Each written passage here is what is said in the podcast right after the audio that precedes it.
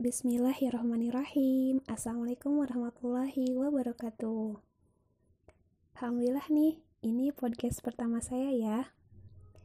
Podcast ini, teman-teman bakalan sering dengar tentang kajian-kajian Islam yang saya dapat di dunia tarbiyah. Nah, di podcast pertama ini, saya akan membahas tentang muasofat tarbiyah. Ada yang tahu nggak nih muasafat tarbiyah itu apa? Ya, muasafat tarbiyah adalah karakter muslim tangguh. Muasafat berasal dari kata wa sofa. Artinya ciri atau rupa atau watak diri. Salah satu buku yang saya gunakan sebagai referensi dalam podcast ini adalah karya Muhammad Hussein Isa dan Ali Mansur berjudul Syarah 10 Muasofat. Buku ini berdasar pada salah satu risalah Imam Hasan al-Banna yang berjudul Sifat al-Akh al-Muslim atau sifat-sifat seorang aktivis muslim.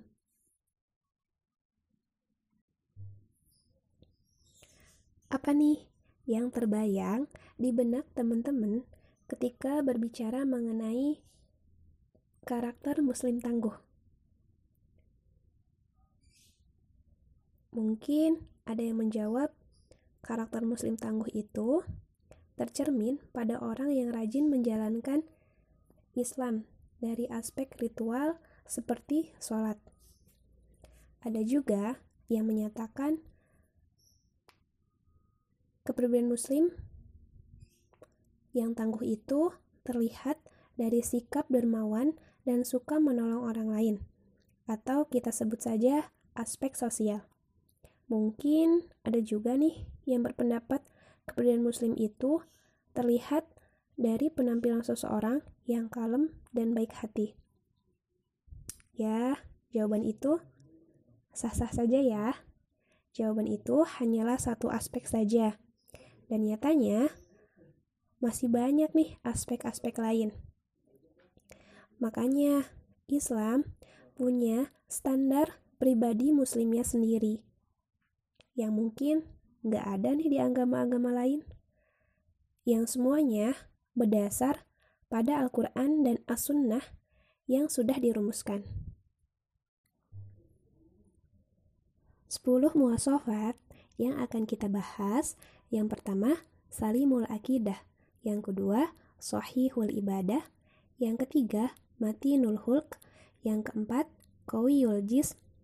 Yang kelima, muthaqaful fikr. Yang keenam, qadirun alal kasb. Yang ketujuh, munadhamun fi su'anihi. Yang kedelapan, harisun ala waktihi. Yang kesembilan, nafi'un li. Dan yang kesepuluh, mujahidun li nafsih. Nah, satu persatu akan kita bahas ya. Karena seperti wasiat Nabi Ibrahim dalam surat Al-Baqarah ayat 132, teman-teman bisa cek ya. Yang artinya, "Hai anak-anakku, sesungguhnya Allah telah memilih agama ini bagimu. Maka janganlah kamu mati kecuali dalam memeluk agama Islam." Nah, ini juga senada ya di Quran surat Al Imran ayat 102. Oke, kita bahas tentang poin pertama dulu ya, yaitu salimul akidah atau good fight. Kalau bahasa Inggrisnya salah, mohon koreksinya ya. Salimul akidah adalah akidah yang bersih atau akidah yang lurus. Ini ada dalam Quran surat ke-6, surat Al-An'am ayat 162. Teman-teman mungkin udah sering denger nih. Kul inna sholati wa nusuki wa mahyaya wa mamati lillahi rabbil alamin. Artinya, sesungguhnya sholatku, ibadahku, hidupku, dan matiku semua bagi Allah Tuhan semesta alam. Jadi, akidah adalah salah satu pondasi yang harus diajarkan pertama kali. Karena Rasulullah dalam dakwah pada para sahabat di Makkah menekankan pada pembinaan akidah, iman, atau tauhid. Akidah dalam hadis disebutkan yang artinya pada ubun-ubun kuda itu terikat kebaikan. Karena akidah secara bahasa artinya mengikatkan atau melekatkan hati pada sesuatu. Akidah adalah kemampuan, kemantapan, keteguhan, dan kekokohan terhadap pilar-pilar Islam yang dibangun di atasnya. Jadi, akidah itu ada dalam hati, mengakar kuat dan tertancap, senantiasa membersamai agar tidak surut dan lenyap atau rusak karena goncangan, kebimbangan, atau keraguan. Pokok-pokok akidah di antaranya itu iman pada Allah, para malaikatnya, kitab-kitabnya, para rasulnya, hari akhir, serta kepada takdir baik dan buruk. Nih, contoh penerapan salimul akidah teman-teman bisa cari juga ya contoh yang lainnya dan kita sama-sama terapkan. Yang pertama, tidak mengkafirkan seorang muslim. Yang kedua, tidak mengedepankan makhluk atas khalik. Yang ketiga, tidak bergabung dan memperolok-olok ayat-ayat Allah. Yang keempat, mengesahkan Allah dalam rububiyah dan uluhiyah. Yang kelima, tidak menyekutukan Allah dalam asma'nya sifatnya, dan af'alnya. Yang keenam, tidak meminta berkah dengan mengusap-usap kuburan. Yang ketujuh, tidak mempelajari berbagai aliran yang membahas asma dan sifat dan mengikuti mazhab salaf. Yang kedelapan, mengetahui batasan-batasan wala dan bara. Yang kesembilan, berteman dengan orang-orang solih dan meneladaninya. Yang kesepuluh, meyakini terhapusnya dosa dengan taubat nasuha. Yang ke-11, memprediksikan datangnya kematian kapan saja. Yang ke-12, meyakini masa depan di tangan Islam. Yang ke-13, berusaha meraih rasa manisnya iman. Yang ke-14, berusaha meraih rasa manisnya ibadah. Yang ke-15, merasakan adanya para malaikat mulia yang mencatat amal. Yang ke-16, merasakan adanya istighfar para malaikat dan doa mereka. Dan masih banyak lagi contoh penerapan salimul akidah yang bisa teman-teman terapkan ya. Kita sama-sama terapkan, oke? Okay? Atau ada nih kisah yang kita bisa sama-sama ambil hikmahnya. Ada yang pernah dengar nggak nih? Kisah tentang sebatang kayu di mana Rasulullah SAW pernah menceritakan tentang dua orang laki-laki dari Bani Israel. Mereka adalah si peminjam dan si pemilik uang. Si peminjam berniat untuk meminjam uang sebanyak seribu dinar kepada si pemilik uang.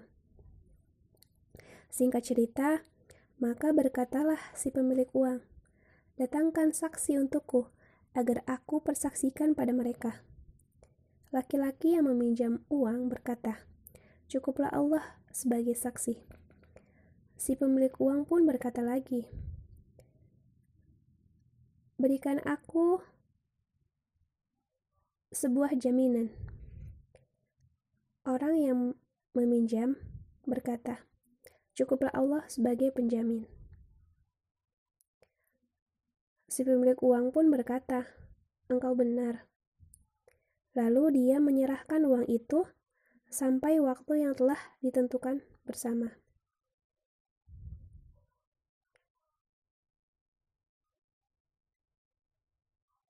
Kemudian, si peminjam berlayar dan menyelesaikan urusannya. Setelah itu, dia mencari angkutan yang akan membawanya kepada si pemilik uang karena waktu yang telah ditentukan telah tiba. Namun, dia tak kunjung mendapat angkutan. Akhirnya, dia mengambil sebatang kayu, lalu melubanginya dan memasukkan seribu dinar itu ke dalamnya, disertai sehelai surat untuk si pemilik uang. Kemudian dia perbaiki pecahan lubang kayu tersebut, lalu dibawanya kayu itu ke laut. Dia pun berdoa, "Ya Allah, sesungguhnya Engkau tahu bahwa aku pernah meminjam dari si Fulan seribu dinar. Lalu dia meminta jaminan. Maka aku katakan, cukuplah Allah sebagai penjamin. Dan dia pun ridho, engkau sebagai penjamin.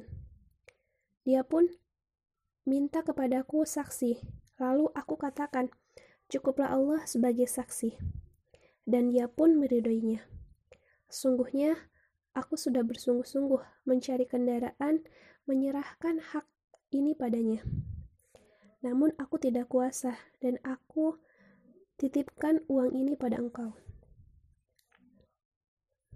Si laki-laki peminjam uang itu melemparkan kayu yang berisi uang tersebut hingga hanyut di laut. Kemudian dia pulang dalam keadaan tetap mencari kendaraan untuk menuju negeri si pemilik uang. Sementara si pemilik uang menunggu-nunggu kehadiran si peminjam. Ia melihat-lihat keluar, barangkali kehadiran si pemilik si peminjam uang hadir dan atau ada kendaraan yang membawa hartanya. Ternyata dia hanya menemukan sepotong kayu. Ia pun mengambil kayu itu sebagai kayu bakar untuk keluarganya. Setelah itu, dia menggergaji kayu itu. Ternyata di dalam kayu tersebut ada harta dan sehelai surat. Lama berlalu, kemudian datanglah orang yang dahulu dipinjaminya uang Orang itu datang membawa seribu dinar. Dia berkata, Demi Allah, saya selalu berusaha mencari kendaraan untuk menemui engkau dengan membawa hartamu ini. Tapi saya tidak kunjung mendapatkan satu kendaraan pun sebelum saya datang ini. Si pemilik yang berkat, si pemilik uang berkata, Apakah engkau pernah mengirim sesuatu pada saya? Kata si peminjam itu, saya terangkan padamu bahwa saya tidak menemukan kendaraan sebelum saya datang ini. Laki-laki pemilik uang itu berkata lagi, Sesungguhnya Allah telah menunaikan hutangmu dengan harta yang engkau kirimkan melalui sebatang kayu. Silahkan kembali dengan uang seribu dinar yang kau bawa itu dengan selamat. Sungguh ya, Kisah tadi bisa kita petik hikmahnya, bahwa seseorang yang akidahnya kuat, tak ada celah kelemahan atas persaksian imannya kepada Allah, atas akidah yang telah menghujam dalam jiwa dan raganya. Betapa tidak, si peminjam mengingatkan kita pada si pemilik uang yang bahwa ternyata tidak ada satupun yang terselubung yang bisa kita sembunyikan dari Allah Subhanahu wa Ta'ala. Allah yang Maha menyaksikan perbuatan kita, dan si pemilik uang pun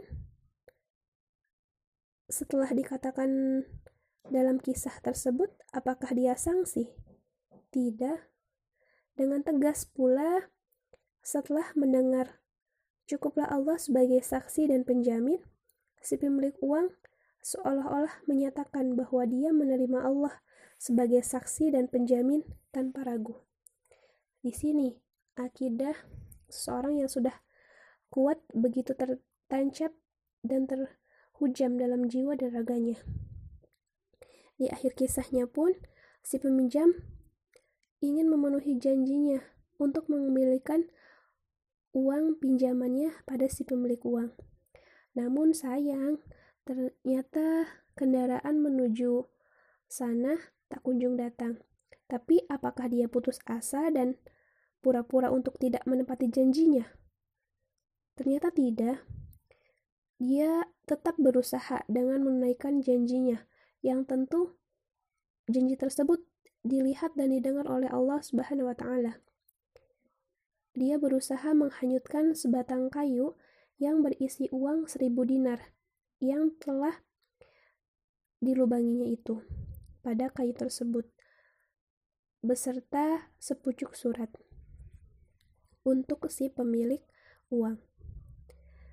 Dia pun bersimpuh berdoa pada Allah yang Maha Mendengar. Betapa tebal keyakinan dan kepercayaannya pada Allah Ta'ala. Salah satu buah dari akidah keimanan atau tauhid yang sempurna. Tapi apakah cukup dengan tindakan itu? Ternyata belum juga. Dia, si peminjam, tetap berusaha mencari kapal untuk memenuhi dan menemui si pemilik uang guna melunasi pinjamannya. Lalu mengapa dia melakukan itu? Tidak lain karena khawatir dia menodai kemuliaan Allah yang telah dijadikan sebagai saksi dan penjaminnya. Si pemilik uang pun tak berburuk sangka, lantaran si peminjam yang tak kunjung datang menepati janji pada waktunya. Mereka telah sepakat bahwa Allah yang menjadi saksi dan penjamin mereka. Si penjamin pun terus berusaha datang menemui si pemilik uang. Pada akhirnya, mereka dipertemukan. Si peminjam tetap membawa uang cadangan karena khawatir kalau-kalau uang yang telah ia hanyutkan di laut tak kunjung sampai di tangan si pemilik uang. Hmm, kisah yang menakjubkan bukan kisah ini? Di saat kebanyakan manusia lupa dengan amanah yang bisa saja menodai akidahnya, atau memang sudah menodai akidahnya. Amanah atau tugas-tugas yang tak kunjung mereka tunaikan. Ya, mudah-mudahan Allah hindari kita dari amanah-amanah yang tidak terselesaikan. Amin. Mudah-mudahan akidah kita berada di proses akidah yang memang bersih dan lurus hanya pada Allah Subhanahu wa taala. Dan mungkin kalau kita bayangkan jika kita berada di posisi menjadi si peminjam, apakah mungkin kita akan segila itu meletakkan uang dalam lubang kayu yang entah akan terombang-ambing di lautan dan sampai ke mana entah akan terhanyutkan sampai ke mana. Apalagi seribu dinar loh. Kira-kira kalau dihitung-hitung nih, mungkin ada ratusan juta dalam sebatang pohon kayu. Tapi begitulah ketika seseorang punya landasan akidah yang lurus dan semuanya dipersembahkan khusus memang sangat cinta pada Allah, tak akan ada ragu di dalamnya. Mungkin itu podcast pertama saya ya tentang Salimul Akidah. Untuk penjelasan muasofat lainnya, tunggu di podcast selanjutnya ya. Wassalamualaikum warahmatullahi wabarakatuh.